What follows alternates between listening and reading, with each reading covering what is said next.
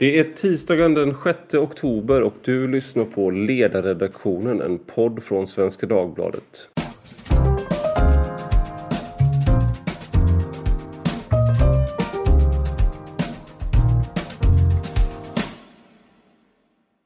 Jag heter Ivar Arpi och idag ska vi prata om postmodernismen. Vad det nu är för någonting. Det finns, verkar finnas ungefär lika många tolkningar av det som eh, tolkare. Eh, samtidigt så är det någonting som är väldigt inflytelserikt. Och idag så har vi med oss Johan Lundberg som har skrivit När postmodernismen kom till Sverige och som är utgiven på Timbro förlag. Välkommen! Tack så mycket! Jag tänkte vi skulle börja med eh, bara en... Eh, just att någonting som jag upplever, jag har, jag har själv eh, skrivit om postmodernismen och eh, någonting som man ofta bemöts med, med är just att det är eh, det där är inte definition av postmodernismen och det där är inte rätt och nej nej så där var det inte och så där. Så att man blir även om det är väldigt tydligt att man, att man pratar om någonting så fastnar man väldigt snabbt i eh, definitioner, vilket i sig är lite postmodernt. Men jag tänkte, du, när du skriver då, när postmodernismen kom till Sverige, vad är det du menar med postmodernismen då? Ja, jag utgår ifrån från eh, när postmodernismen då introducerades i Sverige i slutet på 70-talet och början på 80-talet. Eh, och i synnerhet det som Horace Engdahl eh, skrev i de artiklar som, som kom att spela roll för att postmodernismen blev ett begrepp som blev centralt i kulturdebatten. Eh, och då handlar det om sånt som att verkligheten är inte åtkomlig. Det finns inget rent seende. När vi beskriver verkligheten så reproducerar vi diskurser som är på förhand givna och som är kulturbundna. Eh, och eh, i det västerländska tänkandet så, så, handlar det till exempel om binära oppositioner där man ser tillvaron i form av motsatspar som mellan man och kvinna, kultur och natur, vi och dem, eh, människa och djur och så vidare och så vidare. Eh, och det här är alltså, uppfattar man då som ett kulturbetingat sätt att se på eh, verkligheten. Eh, och det är också ett sätt att se på verkligheten som speglar eh, maktförhållanden i samhället. Eh, så har vita heterosexuella män eh, makten över den verksamhet där idéer produceras så kommer diskurserna att syfta till att bevara privilegier som gynnar de som har makten över idéproduktionen, nämligen vita heterosexuella män. Och man kanske ska säga det också att eh, när de här idéerna introduceras så är de ju befriade från de här liksom, politiska eh, implikationerna som de har fått i, under de senaste två, tre decennierna. Just det, och du har, du har, eh, om man tar det som bakgrund till här så fanns det ju också en eh, en, om, när på 60 och 70-talet så var universiteten och kulturdebatten väldigt, väldigt influerad av marxistiska tankar. Och då var det ju en, en annan syn på makt egentligen än vad det här innebar. Att, eh, om man tar Foucault då och Derrida som är de två stora i den här första fasen av postmodernismen mm. om jag förstår det. Så det de gjorde var att visa att vi alla deltar. Om, om man som marxist tänker att du har en klass som eh, liksom förtrycker en annan så var väl Foucault, han menade att eh, liksom, nej, vi utövar alla makt så du deltar så att säga i förtrycket ja. av dig själv när du reproducerar diskurs. Eh, och och de, de marxisterna ville liksom frigöra, eh, frigöra arbetarklassen från ekonomiskt förtryck medan för Foucault så skulle liksom den typen av frigörelse vara väldigt jag vet inte om han egentligen kanske helt och hållet trodde på att det var möjligt nej, eh, att frigöra nej. sig. Så vi liksom, diskurserna genomsyrar allt så att säga. Eh, men, Just det. Ja, men, men jag tänker, så att det var ju, kan det ha varit en, en sak som jag tänkte när jag läser din bok när Horace Engdahl skriver det här då i, i början av 80-talet eh, i Sverige och när det här kom, att det kunde ha varit en... Om man var, du, du, du är ju lite äldre än vad jag är så du har ju varit med liksom, om en del av de här sakerna själv. Men jag tänker, kunde det ha varit en... Även om vi nu idag ser var vissa av de här idéerna tog vägen eh, kan det ha funnits en känsla av frigörelse från eh, eh, liksom en konsensus som fanns innan som var väldigt vänsterlutande. Att postmodernismen när de kom, de här perspektiven, den här dekonstruktionen där man bryter ner marxismen, du bryter ner de här stora berättelserna som man pratar jo. om som marxism och kapitalism, kristendom och, och sådär. Att man, eh, och vetenskap och sådär. Att det fanns någon eh, en, en eh, ja, att, man, att man upplever det som en frigörelse från, från marxism till exempel på universiteten. Kan det ha funnits en sån aspekt i det också? Nej, det tror jag ju inte att det direkt, inte om man ser på universiteten. Men, men, men, men sen måste man väl hålla isär också att de här idéerna alltså presenterades ju då ursprungligen i slutet på 60-talet och där ligger de ju väldigt mycket i fas med 68-rörelsen ändå. Sen, sen när det slår igenom i Sverige så kommer det i en sån situation där eh, den här, vad ska jag säga, vänsterpolitiska synen på kultur har hamnat i en återvändsgränd. Eh, och då kommer ju de här idéerna att, att eh, uppfattas som ett alternativ till, och, och jag menar, den artikel som Horace Engdahl slår igenom med i eh, Dagens Nyheter är ju en recension av en antologi med där olika författare skriver om sina författarskap och det han ger sig på där är ju mångt och mycket de tendenser som är väldigt tydliga utifrån det här vänsterperspektivet. Eh, och, det, och, det, han liksom diskvalificerar är ju eh, ett, ett berättande som är väldigt sådär eh, plakat politiskt typ inriktat. Men är det någon, för en sak som för, för många som har följt med i liksom debatten på senare tid så är det ju att um, um, Jordan B. Peterson pratar om uh, postmodern marxism, tror jag det var han sa. Uh, och att då någonting han har fått kritik för är just att de två eh, rörelserna befinner sig, befann sig i konflikt med varandra när postmodernismen kom fram och att det inte är samma, samma sak. Men samtidigt så finns det ju, eh, ligger det ju någonting i det där att, att där vi hittar, för sen om man, om man läser din bok så spårar ju du då hur postmodernismen kom till Sverige via portaltexter av Horace Engdahl och eh, inom litteraturen och kulturen och sen till idag eh, via eh, kultursidor och eh, Masoud Kamalis utredning, debatten om hederskultur och liknande och sen intersektionalitet som nu finns i så att säga i, i snart sagt varenda styrdokument i offentlig verksamhet.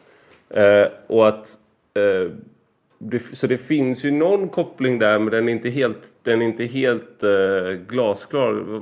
Hur ser du på det där? Är det, kan man säga liksom att det är en vänster... Att postmodernismen, när den kommer till Sverige via Horace Engdahl och sånt där, är det från början en vänster eh, tanke, så att säga? Är det någonting som, som kommer från vänster?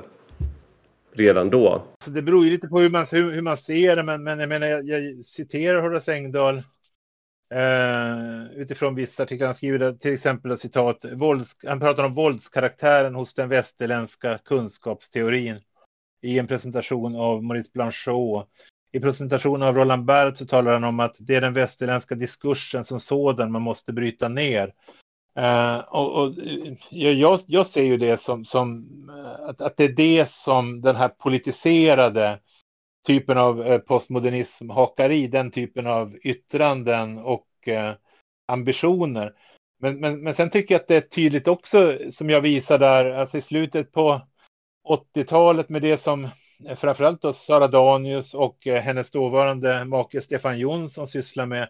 Det är ju i mångt och mycket att försöka länka samman eh, post den här liksom, vad ska jag säga, postmodernismen från sent eh, 60-tal med marxismen och eh, de intervjuar eh, Spivak, Toril Moy och en del andra teoretiker som, just har den uppenbara ambitionen.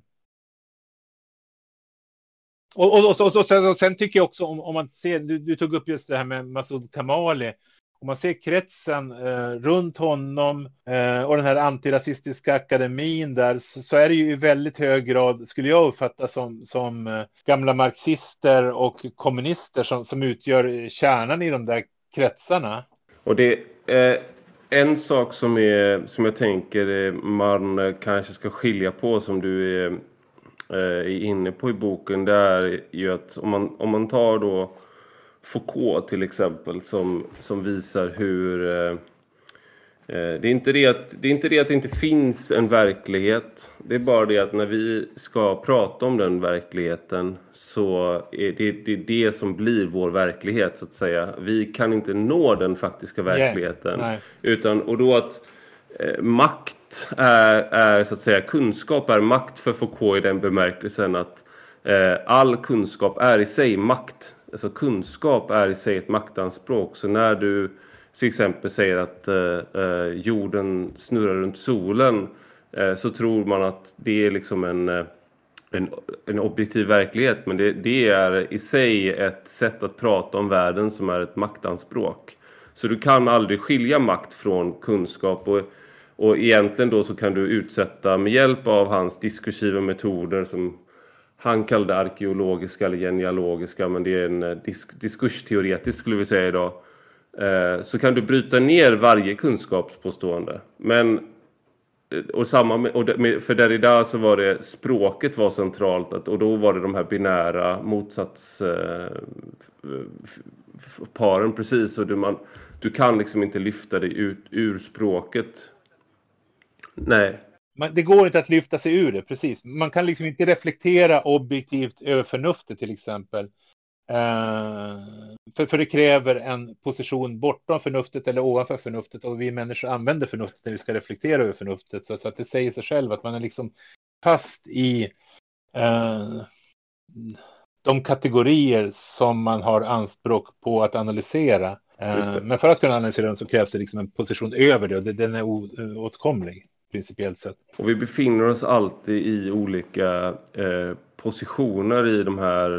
Eh, så här. Men, men om man ändå tar de två då eh, och du tar den typen av eh, eh, som du tar upp Lyotard, Baudrillard och om du ska name, så ta upp olika namn. För dem så var ju verkligen, de var vad, vad jag har sett som man beskrivit som postmarxister i att de kanske var vänster i någon mån men de, har varit, de var också desillusionerade. Eh, och de Ja, och då, framförallt var de väl liksom, hade de väl mer, det fanns ju mer av anarkism kanske än av marxism över, över ett projekt som Derridas till exempel. Och då blir det, det är ju någonting, det jag tänker då när man då rör sig från det till eh, eh Stefan Jonsson till exempel och diskussionen om i, i Sverige så var det ju väldigt eh, eh skarpa diskussioner på 90, eh, slutet av 90-talet och början av 00-talet. Då, då, det här är en sån kritik som har kommit eh, nu har jag inte sett om du har fått den, men att postmodernismen eh, ansågs vara död på 90-talet någon gång, eh, enligt vissa.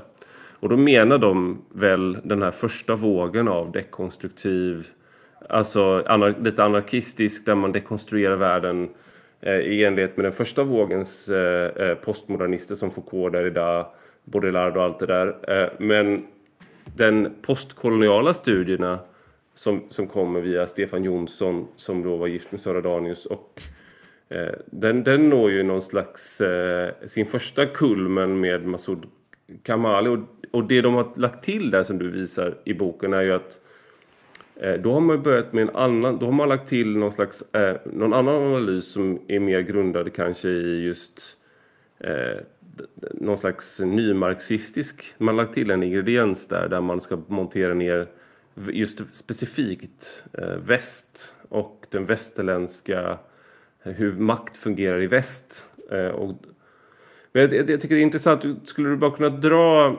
just för, för de som inte minns hur, hur du, vem Masoud Kamali var och vad det var som hände kring honom där i början av 00-talet? Eh, jo, men det var ju den här integrationspolitiska utredningen som, där han och Eh, Paulina de los Reyes eh, lyckades utmanövrera den ursprungliga eh, utredaren genom då att hänvisa till att eh, han, Anders Westholm, inte hade, ja, ja i, i grunden handlar det ju om att han var just eh, en vit man och att en vit man inte borde eh, då ha ansvaret över någonting sånt därför att han inte kunde sätta sig in i de problem som, som invandrargrupper upplevde. Det var väl så retoriken såg ut eh, i alla fall. Och han fick uppdrag, Masoud Kamali fick uppdraget om Mona Salin. Eh, för så, ja. ja, just det, precis. Och startade då en ny utredning och den kom ju då att vara väldigt fokuserad, helt enkelt uppknuten kring de här idéerna om diskurser och framförallt så, så handlade det ju inte från, för Kamali att överhuvudtaget utreda om det förekom diskriminering i Sverige, utan det var ju en, en det, det, såg ju han som en grundförutsättning att så var det. Eh, så, så, att det var ju i väldigt hög grad eh, en utredning som, vad ska jag säga, hade en eh, ideologisk utgångspunkt som var väldigt tydlig från början.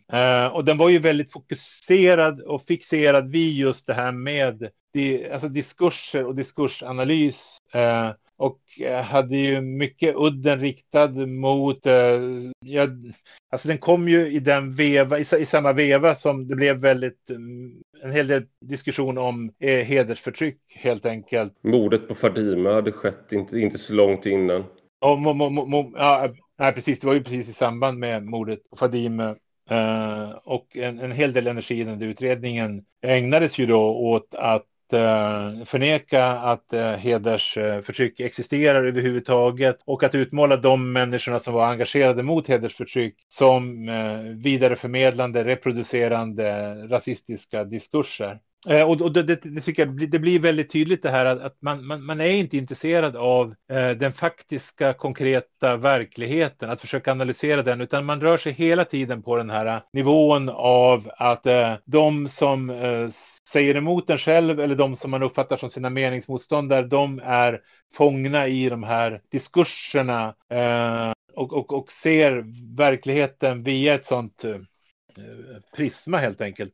Det, det, det, är intressant. Jag, jag tänker på man, eh, det var ju Toblerone-affären som räddade Sverige från Kamali skulle man kunna säga. För Mona Sahlin, ja. hennes fifflande, för hon är baske med en fifflare, det är ganska tydligt efter alla dessa år.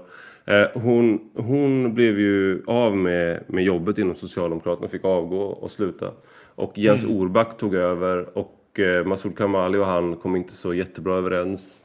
Och du citerar där just att Jens Orback eh, när utredningen väl lades fram så sa han nej, nej, alltså du kan inte ersätta en diskriminering med, eller du kan inte komma åt diskriminering med en annan diskriminering. Nej, för att nej. det Kamali ville se då var att man skulle ge företräde till eh, människor som bor i eh, utsatta områden, nu använder han ett annat uttryck då, men, eh, eh, och människor med låg, låg klass därifrån skulle få företräde till alla offentliga tjänster.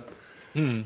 Um, och men en intressant sak som jag tänker med det här med att när du säger att man inte är intresserad av verkligheten det är ju att det finns ingen sån verklighet att vara intresserad av för dem. Helt egentligen. Men det, de har, det som har hänt när vi har rört oss från Foucault och Derrida och mm. de postmodernisterna till Kamali och Stefan Jonsson och Palino Los Reyes och Irene Molina. Det är att jo, det finns en verklighet här och det är den levda erfarenheten ja. hos förtryckta grupper. De, de, och deras erfarenheter ska vi inte rikta eh, det dekonstruerande blicken mot. Nej. Eh, utan de är, ska vi utgå ifrån som, som en fast punkt. Exakt. det var det som jag tänkte att mitt resonemang skulle ha landat i. Det, så det var bra att du... Just det, och då, då kommer vi in på... För, för, för det, är, det är ju precis det det handlar om, att man, man, Eh, Eh, man utgår ifrån det här, de här eh, postmodernistiska idéerna, men man korrigerar dem ju, eller man, man förändrar dem ju i, i, det avseendet att det finns liksom ett faktiskt konkret eh, förtryck i samtiden när, när det gäller upplevelsen av rasism eller förtryck av minoritetsgrupper. Där råder det ju liksom ingen tvekan om att man kan ha uttalat sig om eh, verkligheten. Så, så, så att eh, och då har vi kommit till en... Att, att, att, att, att, tala om heder till exempel, gör man det? Att tala om hedersförtryck, då reproducerar man diskurser eh, och utövar egentligen genom det man talar en form av förtryck. Men talar man däremot om rasism, så då talar man plötsligt om verkligheten. Och då, är det, då rör vi oss, och det är här då den, vad ska man säga, att vi har en marxistisk, eh, nymarxistisk analys här om att vi har förtryckta grupper som måste frigöras från ett förtryck, men det är inte längre kanske klass utan det är andra saker. Men sen har Nej, vi också det, post, det. Det, post, det postmoderna i att de här eh, stora berättelser som förnuft och så stora eh, verktyg som förnuft och att vi kan ha ett gemensamt samtal. Det är nedbrutet till väldigt, väldigt små enheter där egentligen den egna levda erfarenheten är eh, den enda utgångspunkten som fungerar så att säga. Ja, men samtidigt är det ju liksom, det, det, det, det är ju inte vilken levd erfarenhet som, som eh, helst, utan jag menar just det där, om man tar det som exempel med hedersförtryck, så den som har en levd eller en, en upplevd erfarenhet av hedersförtryck, den personen eh, är man ju inte heller intresserad av. Nej, då är man ju, vad, vad var det han, eh, Masoud Kamali använde som uttryck för eh, eh, Nyamko Sabuni och eh, Mauricio Rojas, så kallar han dem för husniggers tror jag. Ja, mm. Otroligt nedsättande. Eller onkel Tom. Det finns ju den typen av... Då, och det, och det är, mm. Precis, och det är en referens till... Eh, och det här är också någonting jag tänkte vi skulle komma in på. Men just att det är en referens till ett amerikanskt... Eh, att många av de här sakerna är ju direktöversättningar från amerikanska mm. tankar. Mm. Ja. Och amerikanska erfarenheter. Så just att, att, att vara en husslav till exempel. Det var ju, det var, man skiljer ju på fält slavar och husslavar. Och husslavarna de var ju de som levde med, liksom, med slavägarna och ja, blev liksom en del av hushållet och hade det mycket mm. bättre ställt och var många mm. gånger hade nära relation till barnen, de vita barnen då. Och de såg sig, de hade då anammat så här, herrens eh, härskarideologi så att säga. Mm, mm. Eh, och, så de såg sig mer besläktade, det här är, så här, det här är då den eh, postkoloniala framställningen av det här. De såg sig som mer besläktade med eh, slavägarna än med de som arbetade ute på fältet. Så att mm. de hade nog vad man skulle kunna kalla för, vad Frankfurtskolan kallar för ett falskt medvetande. Ja. De förstod inte sitt eget bästa intresse helt enkelt. Nej. Och det, var det, det är det som gäller för då till exempel sådana som Nyamko Sabuni eller Dilshad Demirbag Sten och liknande ja. som då har skrivit om eh, hederskultur enligt personer som Masoud Kamali. Mm. Men här kommer vi då in på, för sen händer ju någonting här då vid, eh, på 90-talet och som är väldigt tydligt hos Masoud Kamali och ännu tydligare idag och som vi kan se till exempel på det som sker på Sveriges Radio just nu där man pratar, det här uppropet om eh, där man ska ha olika kvoter mm. som är någon slags eh, eh, intellektuellt barn till Masoud Kamalis tankar och det är intersektionalitetsbegreppet.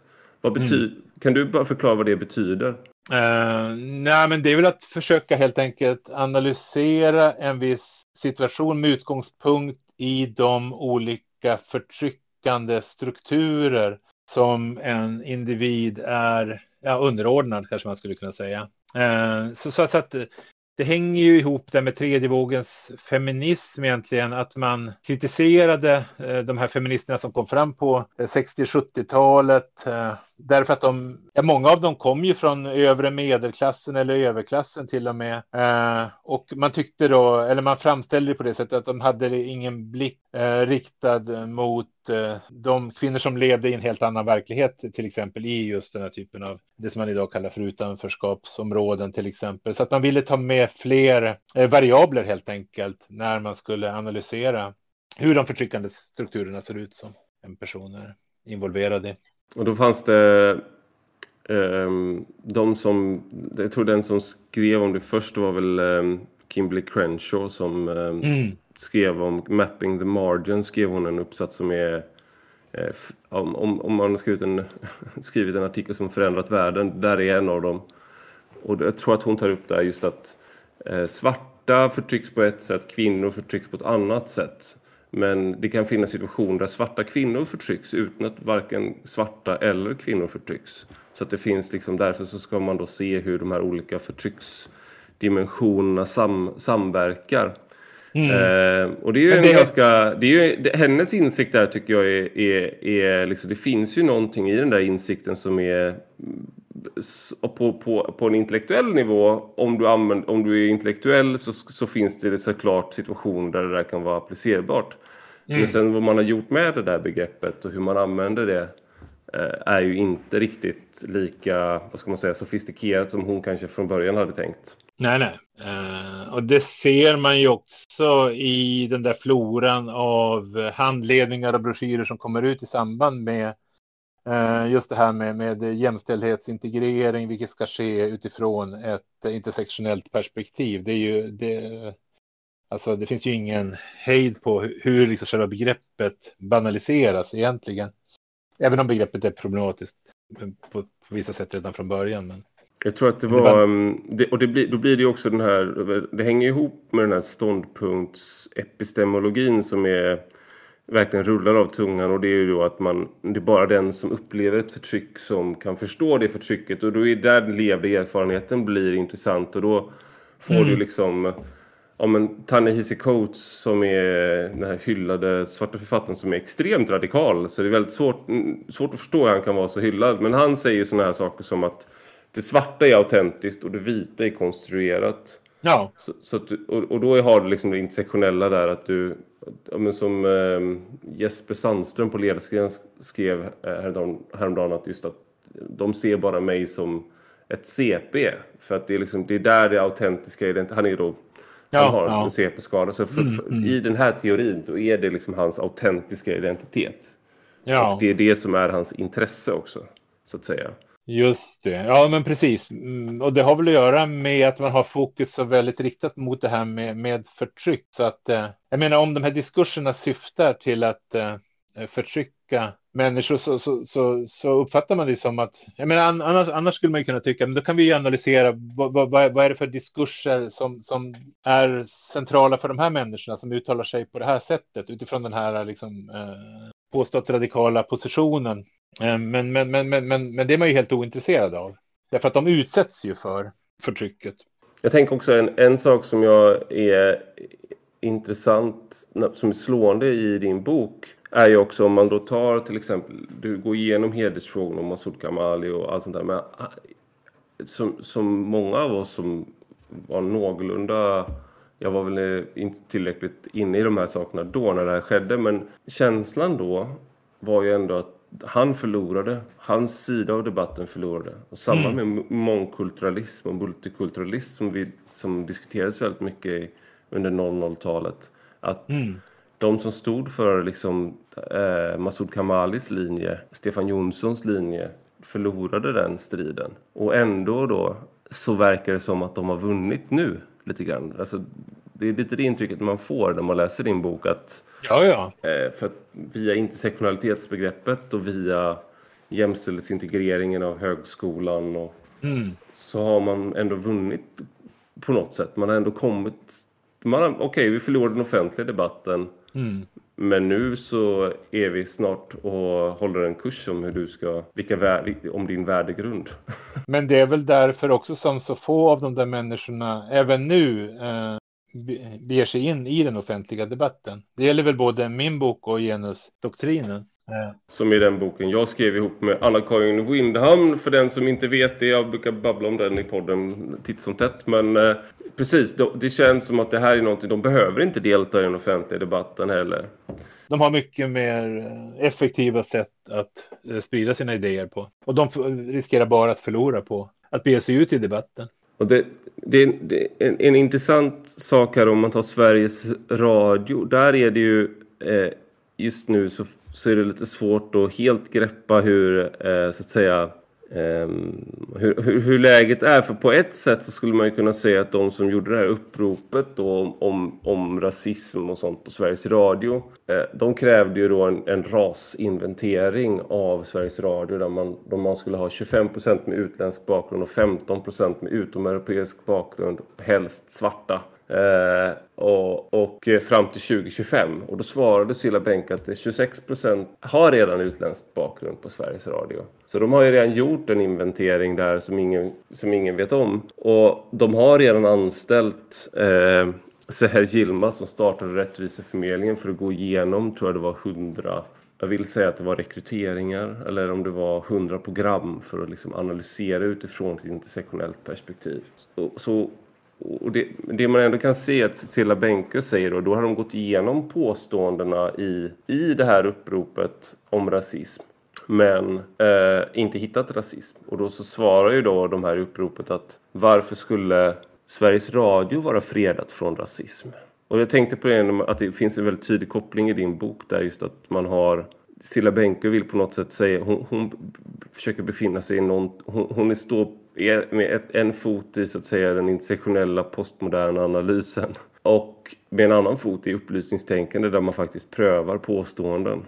Eh, och, ja. Medan kritikerna jo, jo, jo, är 100 procent i liksom att det finns ett system här av rasism och det är bara att acceptera att du, vi är en del av det. Sveriges Radio är en del av det. Och här ser vi utfallet. Det är inte tillräckligt många svarta. Det betyder att det, de här rasistiska strukturerna har verkat på Sveriges Radio. Även om du inte kan identifiera exakt vid vilken punkt det har skett. Men det är ju, det är ju alltså hela det där, eh, vad ska jag säga, idén om strukturellt förtryck är ju väldigt problematisk. Där, där, därför att det finns inga kriterier på, jag, jag har inte sett i alla fall det någonstans, vad, vad, vad är det som måste till för att man ska tala om existensen av ett strukturellt förtryck? Det, det finns liksom inga, inga kriterier att uppfylla överhuvudtaget. Jag tror väl att det är, som jag, det jag har sett, det är väl att det är, om du tar Ibram eh, X. Kendi som har skrivit How to be an anti-racist, vilket är väldigt en av de mest populära böckerna i USA nu. Eh, och som marknadsförs stort då i och med Black Lives Matter och bokförlagen eh, samarbetar med, liksom, försöker visa att de är goda och sådär. Så har de höjt upp den här boken av den anledningen också.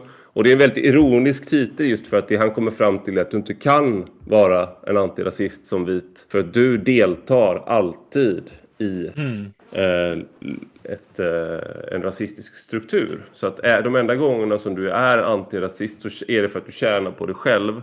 Och då är du i, i, i liksom, det i sin tur är en del av problemet. Mm, mm. Så då är du inte, liksom, du kan aldrig vara antirasist. Men det han säger är ju att du kollar på ett utfall och om utfallet inte är... 50-50. Eh, ja, 50-50 eller i alla fall i proportion till befolkningssammansättningen. Den här spegelbildstanken som man pratar om på Sveriges Radio till exempel. Att man ska spegla samhället. Om det är, för, om det är färre svarta då, då har det varit en rasistisk process. Ja. Så det är så enkelt att du, du kollar helt enkelt på utfallet och är det inte ett korrekt utfall, då är det en rasistisk struktur som har verkat. Eh, och då blir det ju väldigt svårt att hävda som Sveriges Radio då till exempel utifrån det här sättet att se på det att man har eh, metoder för att hitta den bäst, mest kompetenta. För det, det är då man kommer fram till sådana här saker som att tanken om meritokrati i sig är rasistisk eller diskriminerande. För att då kommer det man eh, liksom inte att leva upp till tanken om, eh, alltså då kommer du inte leva upp till eh, den, någonting antirasistiskt i varje fall. Utan då försöker du på något sätt att undandra marginaliserade grupper deras rättmätiga plats. Det är samma sak med, med just det där att jag menar om, om man säger att men, en teori måste vara möjlig att falsifiera. Men den här teorin med, med strukturellt förtryck är ju inte möjlig att falsifiera. Uh, och, och, men men, men då, då retirerar man ju till positionen då att ja, men ett, ett falsifierbarhetskriterium det är ju formulerat då av de personer som har haft makten i samhället och över idéproduktionen. Uh, eh, det vill säga vita heterosexuella män, de som förtrycker alla andra grupper. Eh, och, eh, ja. och då är det inte vetenskap längre. Då, då är det liksom, då, då menar man att det, det här är ju det, det, det är en ideologi. Eh, och det är väl en poäng med min bok, just att jag, försöker, att jag vill visa hur man på ett effektivt sätt har brutit ner gränsen mellan ideologi och eh, vetenskap genom att man har eh, lyckats med konststycket att utmåla ett, en äldre typ av eh, vetenskapsideal som härrör från upplysningstraditionen som, som i grunden ideologiskt. Och, och det, det, är väl det som, som verkar verkligt stora problemet, att man köper det här från akademiskt håll och i den svenska offentligheten. Just det. För, för, för att bryter man ner den distinktionen mellan vetenskap och ideologi, det är ju, då är man ju på ett sluttande plan. Och då är det ju eh, det, det där är ju någonting som jag tror är anledningen i alla fall till att de själva som, är, som försvarar de här tankarna blir väldigt arga om man kallar det de säger för att det är politiskt eller ideologiskt. För de menar, inte för att det inte är det, utan för att det antyder i det här motsatsparen som du var inne på precis i början, att det, den positionen som man själv gör anspråk på då är rationell och vetenskaplig medan deras perspektiv är ideologiskt. Så då är det viktigt för dem att prata om till exempel antigenderrörelsen. Det är då, och i antigenderrörelsen, om det nu finns en, en, en sådan, så ingår till exempel evolutionär forskning, Steven Pinker till exempel. Alltså mm, den, mm, mm. För att det i sin tur, det är en ideologisk attack på... Det har plötsligt blivit... Jo, Precis, och, så det, och det, det, det, handlar om makten om vad är det, problemformuleringsprivilegiet, eh, eller vad ja. man ska säga. Och det var ju liksom, det var ju det som var marxismens intention också. Det, det var ju det man var, att, att, kunna bevisa eller övertyga folk om att marxismen är en vetenskap och alla som säger emot marxismen gör det av, eh, på ideologiska bevekelsegrunder. Eh, så, så, så det är det som är det intressanta tycker jag här, att man, man, har, man har lyckats med det som eh, marxismen misslyckades med. Och samma sak med, med marxismen lyckades aldrig skapa några eh, institutioner på universiteten eller ens ämnen på universiteten i Sverige. Man, man höll emot det där. Men när man liksom ompaketerade det på det här sättet så har det gått att eh, komma in och skapa hela institutioner och kanske till och med hela högskolor eller universitet som är knutna till varför har man lyckats med det tror du? Ja, men jag tror att det har att göra med att äh, ja, men det, det, det fanns ju liksom ett naturligt motstånd mot marxismens idéer och inte minst i USA med, med, med tanke på synen på eh, äganderätten till exempel i USA, att det, att det är så liksom det är så centralt i det samhället. Men, men även i Sverige, det, så kommer någon och säger att vi ska liksom ta, ta ifrån dig din egendom och förstatliga den, så, så möter det motstånd. Men eh, att säga att ja, men vi vill ju att det ska vara lite fler kvinnliga professorer på universitetet och det är väl bra om, om det, det kommer in fler människor på universiteten med utomeuropeiskt ursprung. Eh, ja, men det, det, håller ju alla med om. Så det är lite grann den här uh, den, Morten de Bailey-principen där. Just det, är, att, att, kan du gå igenom den vad innebär det? Ja, men att, att, att, att, att man helt enkelt, eh, det finns två aspekter av eh, det eh, de idéer som man har. Eh, den ena framstår som väldigt harmlös och som alla kan skriva under på. Men där det finns en eh, baksida eh, som är det som man egentligen, jag ska säga, som, som de här idéerna leder fram till och som man är också väldigt mån om att de ska leda fram till. Som till exempel sånt där att om, om man, man ska göra liksom en intersektionell analys av varje situation och det innebär i förlängningen att polisen till exempel inte kan vara neutral neutral i bemötandet av de, de människor som polisen stöter på. Och utifrån ett intersektionellt perspektiv så tycker man att ja, men det är jättebra. Att, att vara neutral, det är bara ett, eh, en, en, en idé, idé som eh, kommer sig utav eh, de här manliga vithetsnormerna som har präglat Eh, samtidigt, ja, de, de, skriver ju det där i den där eh, utvärderingen, är det väl, eller i handledningen till polisutbildningen på Södertörn där, att eh, det de är emot är ju eh, eh, specifika föreställningar om maskulinitet, vithet och svenskhet som de skriver, vilket har lett till idéer om att man ska vara neutral i bemötandet. Liksom att, så, så istället ska man göra avkall på en som en fundamental princip för rättsstaten, nämligen alla eh, eh lik, likhet inför lagen. Det är det här som är, precis som du säger där, man tar mångfald så är det väldigt, det är ju en så här, vad ska man säga, de flesta som är liberalt eh, funtade på något sätt i något bred bemärkelse tycker att ja, men människor ska ju få, alla ska behandlas lika. Eh, och då ja. tänker man att ja, men om det finns eh, diskriminerande strukturer mot kvinnor då är det klart att vi måste arbeta mot dem. Och det, och samma med om du har eh, funktionsnedsättningar. Så alla egentligen, mm. vad ska man säga, den intersektionella analysen, om du bara, om du bara tar den på den nivån. Att ja. det finns olika grupper som har, haft svår, som har haft svårare, då tycker de flesta att det är rimligt. Men om du kollar på var det kommer ifrån, om du kollar på hela bagaget som kommer med när, med intersektionalitetsteorin så är det någonting helt annat. Jag tänker också på det här med, om du tar just polisen eh, som exempel, då var det ju han Leandro eh, Schlark, eh, eller Sklarek Molinari som är kriminolog som menar då häromdagen att eh, eh, det här med att polisen nu storsatsar mot kriminella nätverk mm. eh, i utsatta områden det är problematiskt för att det riskerar att minska eh, förtroendet för rättsstaten. Eh, och det här är ju någonting då där man har, som du tar upp också i boken, exempel på när man har då jämfört polisens metoder eh, för det är rasism när man då gör det i utsatta områden. Då använder man liksom en slags postkolonial analys där då det, mm. det är majoritetssamhället och, och, den, och staten som upprätthåller de, den härskande ideologin i samhället och sen så har du utsatta grupper som då utsätts för det här våldsmonopolet. Mm. Eh, och då blir det en, eh, det i sin tur är nog, skulle man nog många av de här säga, det skapar kriminalitet snarare än att det motverkar kriminalitet. Ja, så, ja. Så att då blir det ju istället att du tänker då liksom, och så var det någon vänsterpartistisk politiker i Malmö som skrev att folk flyttar från Malmö på grund av polishelikoptern som, som är över Möllan då. Mm. Eh, men vad ska man säga, från ett mer verklighetsbaserat perspektiv skulle man kunna säga att den är ju där för att det är mycket kriminalitet. Mm. Och det kanske är därför människor flyttar från möllan snarare än att den polisen eh, undersöker kriminaliteten. Ja, ja. Men det, ja, jag men- tror att det här är ett exempel på just det du, just det du är inne på där. Mm. Och att, ja, Nej, men det var ju inte för inte som hela det där gänget runt eh, Irene Molina och alltså de, de, de eh, kretsen runt, runt Kamali där var ju väldigt snabba på att bege sig iväg till Husby efter Husbykravallerna för att liksom eh, göra sin dokumentation av vad som egentligen hade hänt där. Och den, den var ju givetvis helt förutsägbar. Det, var liksom, allting var polisens fel. Eh, och det, det, det, liksom, det, eh, kravaller startar på grund av polisens närvaro, inte på grund av att polisen inte är där.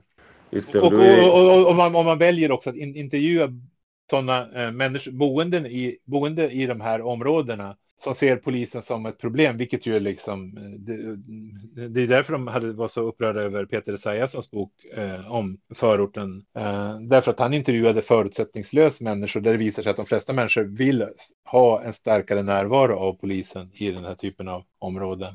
och då ska man ju eh, lägga till här, det här tycker en del är, är man ska se individ och så. Men Leandro Molinari är alltså son till Diana Molinari som är en av de viktigaste i, i den här vågen av postkoloniala studier på 90-talet som kom starkt. Eh, och han är då, bor ihop med Athena Farrokhzad som är en av de starkaste rösterna vad gäller, har, har- varit väldigt aktiv i vithetsdebatten och rasifieringsdebatten och är poet. Så att det, det, det finns många länkar i de här, de här nätverken eh, också. Men, men det, det, det säger också någonting om hur eh, begränsade de här nätverken egentligen är. Att det är väldigt mycket samma personer eh, och sa, samma krets av människor som hela tiden figurerar i olika sammanhang. Eh, och och eh, jag menar, eh, um, America Vera Zavala är ju en annan sån typ då, som, som, som har fått möjlighet att framföra sina så kallade pjäser på olika teatrar, Dramaten och så vidare. Men, men, men, men som ju, där, där det snarare handlar om ren, att, att, att hålla föredrag liksom. Med utgångspunkt i en sån postkolonial teoribildning. Och då, hon har ju haft de här eh, om islamism och liknande. Hon har ju varit väldigt, eh, nu kommer jag inte exakt ihåg vad eh, ehm, där är det, hon har ju så att säga i, problematiserat vår bild av terrorist med liksom faktiska islamister på teaterscenen Ja, ja, ja. som sitter och liksom Mm, försvarar. Ja. Och då, där, där finns det ju en intressant koppling bakåt som eh, ehm, och det är ju att Michel Foucault under iranska revolutionen ändå han höll, han hoppades ändå på islamisterna där så att säga. Mm, mm. Och det är för att man är så man, man, av, man ser, om, om man ska använda religiöst språkbruk så ser man väst som Babylon. Det är liksom Ja. syndens nästa. Det är härifrån all makt utgår. Kapitalism, demokrati, liberalism, all, allt det här är tech, alltså det, om, om man pratar om frihet i väst så är det en täckmantel för motsatsen. Så alla Ja. de här liksom sakerna som man kan se som västerländskt är per definition blir förtryckande. Och då hoppas man på då kan man sätta sitt hopp till islamisterna i, i Iran Mm. eh, som fransman för att man tänker att där kanske hoppet finns. Man är så desillusionerad vad gäller, eh, som han var av, Sovjetkommunismen eh, och liknande. Och America Vera Zavala hon, är så, hon menar ju i princip att det är vi som skapar eh, de här terroristerna, skapar islamisterna. Ja. Eh, och där, där tar du upp en intressant, du var ju på plats i Frankrike 2016 var det va? När eh, det här terrordådet där det var en man, Mhm. jag har glömt av vad, vad terroristen hette, som körde I Nice. eh, Mm. i Nice. Och då var du där. Eh, och, och kan du inte bara beskriva liksom vad du, hur, hur du Alltså, vad du var med om där och hur, hur Frankrike hanterade och jämför, som du gör i boken, så jämför du med Mm. det som skedde i Sverige. Nej, men jag tyckte min upplevelse var att det var en mycket för, mer förutsättningslös eh, diskussion där om, om eh, ja, fenomenet islamistisk eh, terrorism eh, helt enkelt och att, att det kändes som, som att man liksom förde en diskussion om de problemen som, som hade eh, lett fram till det. Medan man i Sverige så blir den här eh, reaktionen omedelbart att eh, ställa frågan vad, vad kommer det här att innebära för, för eh, muslimer i Sverige? Eh, och, och, och därmed också tona ner eh, problemet med, med att det ja, existerar terrorism helt enkelt.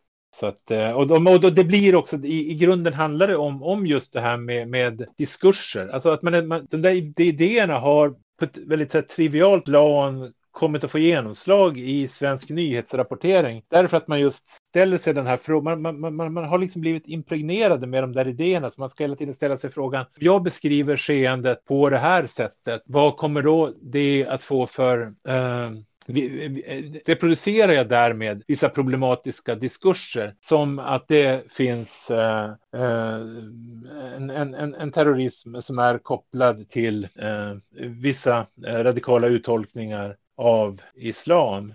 Det är lättare och det är, det är skönare för oss alla om vi pratar om nazister istället. Eh, och ny, nynazister och, och, för att då är vi i en... Eh, då är det vita, västerländska, onda ja. snarare. Men om vi pratar om människor som är då, bor i utsatta områden eller kommer från invandrargrupper eh, då rör vi oss in i den postkoloniala världen eh, där vi måste hela tiden tänka på att vi, om vi bara beskriver rakt upp och ner det vi ser så kanske vi får människor att tycka sämre om islam och, det, och muslimer är ju en utsatt grupp.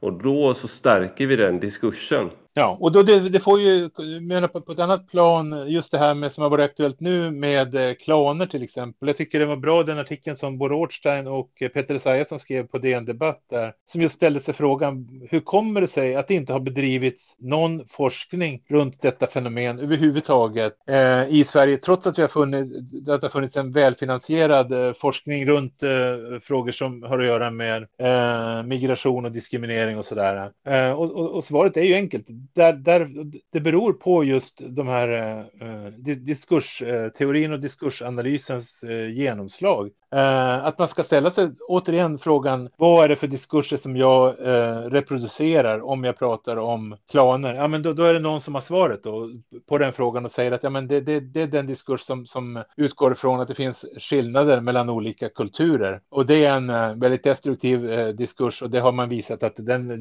diskursen leder ju på sikt fram till eh, förintelseläger och så vidare. Det, det finns ju liksom ingen hejd på... Det var så, det var så 30-talet började. Ja, precis. Jag menar den här äh, som, som, som jag tar upp den här professorn i idéhistoria, Mikael Azar där, som, som skriver om eh, en, en uppsats eh, om eh, att, att någon har nämnt eh, eh, något som, som skulle kallas då för körkort i svenska fast ingen har eh, lanserat de idéerna överhuvudtaget. Men det har han inte orkat undersöka. Eh, men menar, han, han, han, går ju verkligen så långt som till att säga att eh, pratar man om, i det fallet då hedersförtryck, så reproducerar man diskurser som leder fram till, ja, det, det, det, det, det kommer liksom ett nytt tyskt 30-tal om man fortsätter då prata om, om att det finns eh, fundamentala kulturella skillnader mellan människor. Just det, det här var alltså dagen efter mordet 2002 på Fadime Sahindal så var det SVTs Aktuellt och Dilshah Demirbogsten var där och pratade. Men det var inte hon som sa det här om Nej. att man skulle ta ett körkort i svenskhet utan det var eh, Mona Salin och eh, Erika Bjärström som är SVT-journalist som tog det. Men sen blev det en meme så att säga som spred sig. Och då, ja, och då ja. blev det, det, det, problematiska där då var att eh, det var en diskurs om att de här människorna hade fel värderingar och sånt där. Och sen var det ju Gudrun Schyman höll sitt eh, liksom, ökända talibantal där hon pratade om att det är samma förtryck här som där. Eh, och just att man vill inte... Just det, det, det, det talet höll hon före Fadime. Ja, det gjorde hon. Mm. Och, och, då är det ju den här med just att man vill inte eh, hitta eh, några kulturella skillnader.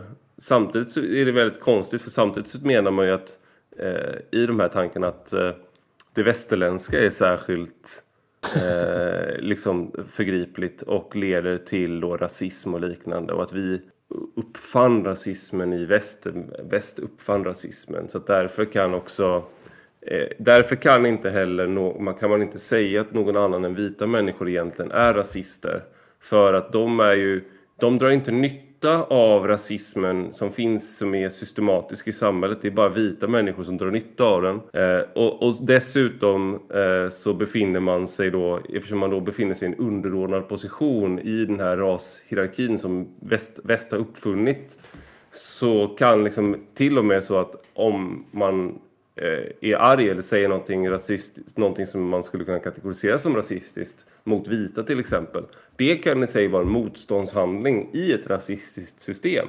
Jag vill bara avsluta med en sista grej och det är du är ju litteraturvetare och, och jag tänker att om det är någonstans där jag ändå kan eh, känna att det postmoderna perspektivet eh, har varit intressant, tänker jag liksom om man tar filmer, man brukar säga det inom kulturen att det funnits en, en postmodernism där också och då finns det filmer som med Matrix till exempel är mm. en väldigt postmodern film. Nu vet jag att de förnekade att de hade varit inspirerade av Sean eh, Baudrillard men eh, men just det här att man har en simulerad verklighet jo. och att, eh, och att du, du, inte kan kliva ur den. Nu kan de ju det i Matrix, men att du vet inte vad är, ver vad, vad, är verkligt och Nej. inte. Och du, har, mm. och du har agenter inom The Matrix då som upprätthåller Matrix och hindrar människor från att hitta sanningen och sådär. Mm. Eh, det är ju ett väldigt postmodernt sätt att se på det, men jag tycker det är, det är en fantastiskt bra film. Och samma mm. med Pulp, Pulp, Fiction då som man brukar se som en, en det nedbrut, alltså när tidslinjen mm. bryts ner och berättas på ett annat sätt. Och du inte får förklarat för dig som tittare liksom hur direkt utan du får göra den kopplingen själv successivt. Eh, och att det där är ju en eh, kopplingen från då det, det, kulturella där till det politiska är jag inte liksom, jag vet inte jag vet inte vad jag försöka säga här riktigt men jag tänker att kan det inte finnas någonting i liksom det postmoderna om man tar rent kulturellt eller litterärt att det finns någonting Nej, eh, men det håller jag hämta där eller, eller är jag ute och cyklar då? Jag har ju liksom ingenting emot eh, egentligen postmodernistisk arkitektur i vissa avseenden tycker jag den är har varit eh, spännande och eh, fruktbar. Och, men, men framförallt postmodernistisk litteratur. Jag menar, det, det, är ju den typen av...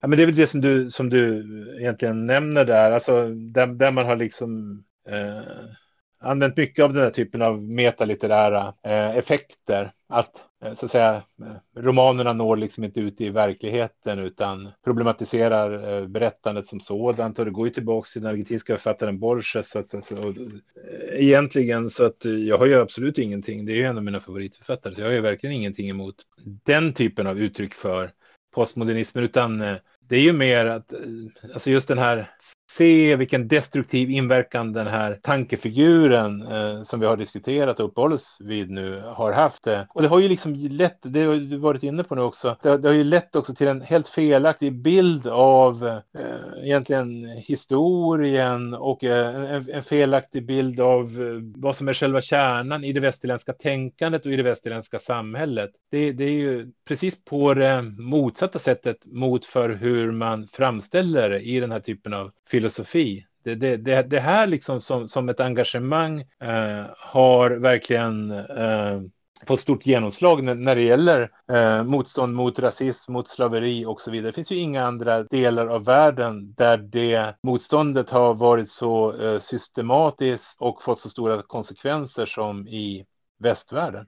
Nej, det är precis så, så det, det, är det som är lite obehagligt, att folk liksom går omkring och, och eh, menar, när, när, när, man träffar folk som kommer från gymnasiet och är nästan marinerade i sådana här idéer om att det, det, det, finns liksom inget förtryck någonstans i världen som kan mäta sig med det västerländska förtrycket idag. Och om man ska försöka hävda det så gör man sig skyldig till att eh, någon slags eh, kolonialistisk ja, ja. Eh, blick på. Eh, men det, men det är ju talande, det finns ju inte så mycket eh, kritiska turkhetsstudier i Turkiet eller kritiska kines, Kina-studier i, i Kina. Utan det är ju, det är ju här, det är ju någonting som är specifikt. Självkritiken går ju också som en eh, röd linje i, i västländskt tänkande. Att man, har, man, man vänder blicken mot sig själv även under Liksom, alltså när kolonialismen var som starkast så fanns det också en, en kritik mot kolonialismen i ja, väst. Ja. Där man ja. idealiserade de, eh, de folk som man koloniserade. Så att det var förtrycket samsades med det som sen ledde fram. Fröet fanns till frigörelseprojekten även inom väst så att säga. Ja, från slutet av 1700-talet åtminstone. Ja. Eh, jag tänkte på det med, med det, man, det som är väldigt tydligt är att det här, som du sa, det här med falsifiering också. Att man, alltså kritiskt tänkande och eh, kritisk teori är ju liksom diametralt motsatta varandra egentligen. Att man har att ställa kritiska frågor. Stämmer det här? Hur ser det ut i Mm, verkligheten? Hur funkar Mm. det här? Ja. Eh, det, den typen av frågor är inte välkomna när det gäller eh, kritiskt, de här antagna inom postmodernismen och, och kritisk teori och intersektionella studier. Nej, men det, det, det, det nej, och de destruktiva, vad får det för, dest, vad får det för följder liksom? Eh, den här ensidiga fokuseringen på utfall, liksom, menar, ska, ska man börja applicera det på, på eh, hur många liksom, eh, judiska nobelpristagare finns det? Hur, hur, hur ser liksom proportionen ut bland Hollywood-regissörer Hollywood med, med utgångspunkt i ja, e-, e-, etnicitet? Det, ser man liksom all form av dominans av en viss etnisk grupp till exempel som ett uttryck för eh, förtryck och för spridandet av, av eh, obehagliga diskurser så, så eh, kan ju det få väldigt märkliga konsekvenser, obehagliga konsekvenser som, som vi kanske inte riktigt är medvetna om idag. Det var ju en, eh, jag tror det var Hanif Bali som påpekade det i sin podd God ton. Men att man brukar säga det här att ja, det var så här det började på 30-talet. Det var så här det började på 30-talet. Och så där sa Hitler också. Så där. Man har liksom hela det. Men det som faktiskt skedde i början på 30-talet när nazisterna tog makten. Det var att man gjorde rasinventeringar. Ja, precis. Och för att undersöka representationen och överrepresentationen av judar i olika, i, på olika ställen. Mm. Så just, det, just den grejen var faktiskt någonting som skedde på I, I förhållande till sin proportion då, mm. i proportion till sin andel av befolkningen så var till exempel judarna överrepresenterade i vissa yrken, i vissa positioner och då tyckte man att nej, det betyder då att judarna styr oss och det, det är förfärligt. Och nu, nu gör man någonting, den här gången så ska det då frigöra istället. Ja, precis. Men så primitivt sätt att betrakta verkligheten på, att det bara handlar om utfall och eh, förtryckande strukturer. Det är liksom historien strikas bättre eh, inom vissa mångbottnade och komplexa förklaringar än att det bara handlar om förtryck.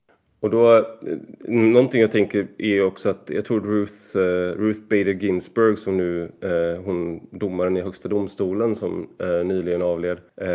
hon, hon hade fått frågan någon gång om hur många som kvinnor det skulle behöva vara i högsta domstolen för att man skulle kunna säga att det var jämställt. Och det är nio domare som sitter i högsta domstolen och då hade hon svarat, skrattat och svarat nio. Eftersom då det har varit ja, män ja. i alla tider ja. tidigare så du kommer behöva en återställare. Och det där finns ju också då att det är inte ett problem eh, om det blir för många kvinnor eller för många eh, svarta i USA då eller i Sverige för många med utländsk bakgrund i förhållande i proportion till andel av befolkningen. Eftersom systemet är riggat till deras nackdel. Just det. Mm. Så, är, så kan du inte så kommer inte spegelbildstanken sluta gälla när förtryckta grupper eh, blir, om de blir överrepresenterade. Mm. Så du, du, och då har du eh, det här fina begreppet i den här eh, världen om att du är minoritiserad. Och då är ja, att du är, även om du befinner dig i ett patriark, om, om du liksom är, om det är 65% kvinnor på universitetet som studerar till exempel. Mm. Så är, kan de ändå vara minoritiserade i den strukturen som finns där. I den patriarkala strukturen. Eh, så att du är inte beroende av faktiska, eh, en faktisk dominans av män i antal. Så länge det är vissa värderingar och kultu kulturella eh, sedvänjor och sådär som, som gynnar en viss typ av egenskaper. Mm. Du kan fortfarande vara, så du kan vara i majoritet men ändå vara minoritiserad. Jo, Ungefär, jo. och det var så här man tänkte sig då inom antisemitismen att i vissa delar av Mellanöstern idag så finns det ju inga judar kvar för att de, det är liksom, de kan inte mm. leva i vissa länder i Mellanöstern. Men människor i de här länderna är ändå antisemiter och tror ändå att judarna styr.